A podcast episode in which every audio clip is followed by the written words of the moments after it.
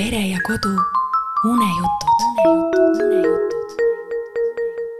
mutt läheb kooli. Hardi holpus. mutilaps oli lõpuks piisavalt vana, et kooli minna. mutiema oli valmistunud last kooli saatma koos uute koolitarvikute, riiete ja kingadega. mutilaps polnud aga vaimustuses. ema, kas ma võin koju jääda?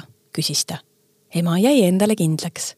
sa saad õppida koolis palju uut, sul saab seal lõbus olema. Mutilaps vangutas pead, kuid läks kooli nagu öeldud. esimesel koolipäeval õpetati muttidele koolis, kuidas urgusid ja pesasid ehitada. mutipoeg pistis oma pisikesed küünised mulda ja kaevas. ta hingeldas ja hingeldas, püüdes jõudumööda väikest auku teha.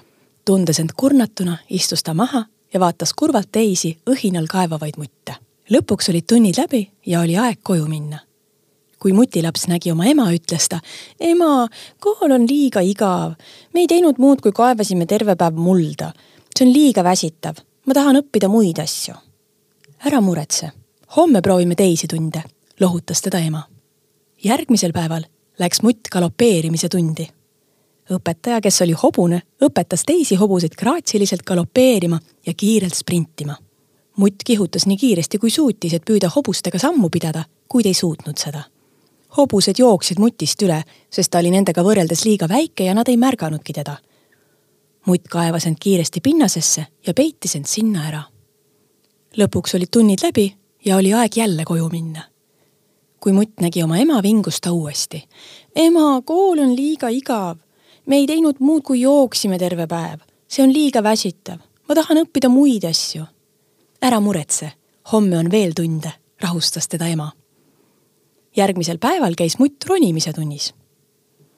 õpetaja, kes oli ahv, õpetas teda puude otsas ronima. mutt sirutas oma lühikesi käsi nii palju kui võimalik, kuid ta ei ulatunud ühegi oksani. ta üritas hüpata, et haarata järgmisest oksast, aga libises ja kukkus maha. ahvilapsed naersid tema üle ja viskasid teda okstega. ärritunud mutt kaevas end sedamaid lähedal asuvasse pinnasesse, et end kaitsta. aegamisi mõistis mutt et urgu pugemine on midagi, mida ta saab hõlpsasti teha. ta ütles oma emale, ükskõik kui palju ma ka ei üritanud, ei suutnud ma ronida. urgudesse pugemine sobib mulle aga ideaalselt.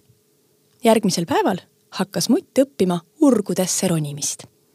ta proovis erinevaid tüüpi pinnaseid kaevamiseks ja kindla pesa rajamiseks ning kulutas palju aega oma oskuste lihvimiseks. peagi sai temast klassi parim õpilane kõik õnnitlesid mutilast suurepärase töö eest ja siis tekkis tal soov õpetada ka teistele, kuidas tõhusalt urgu kaevata.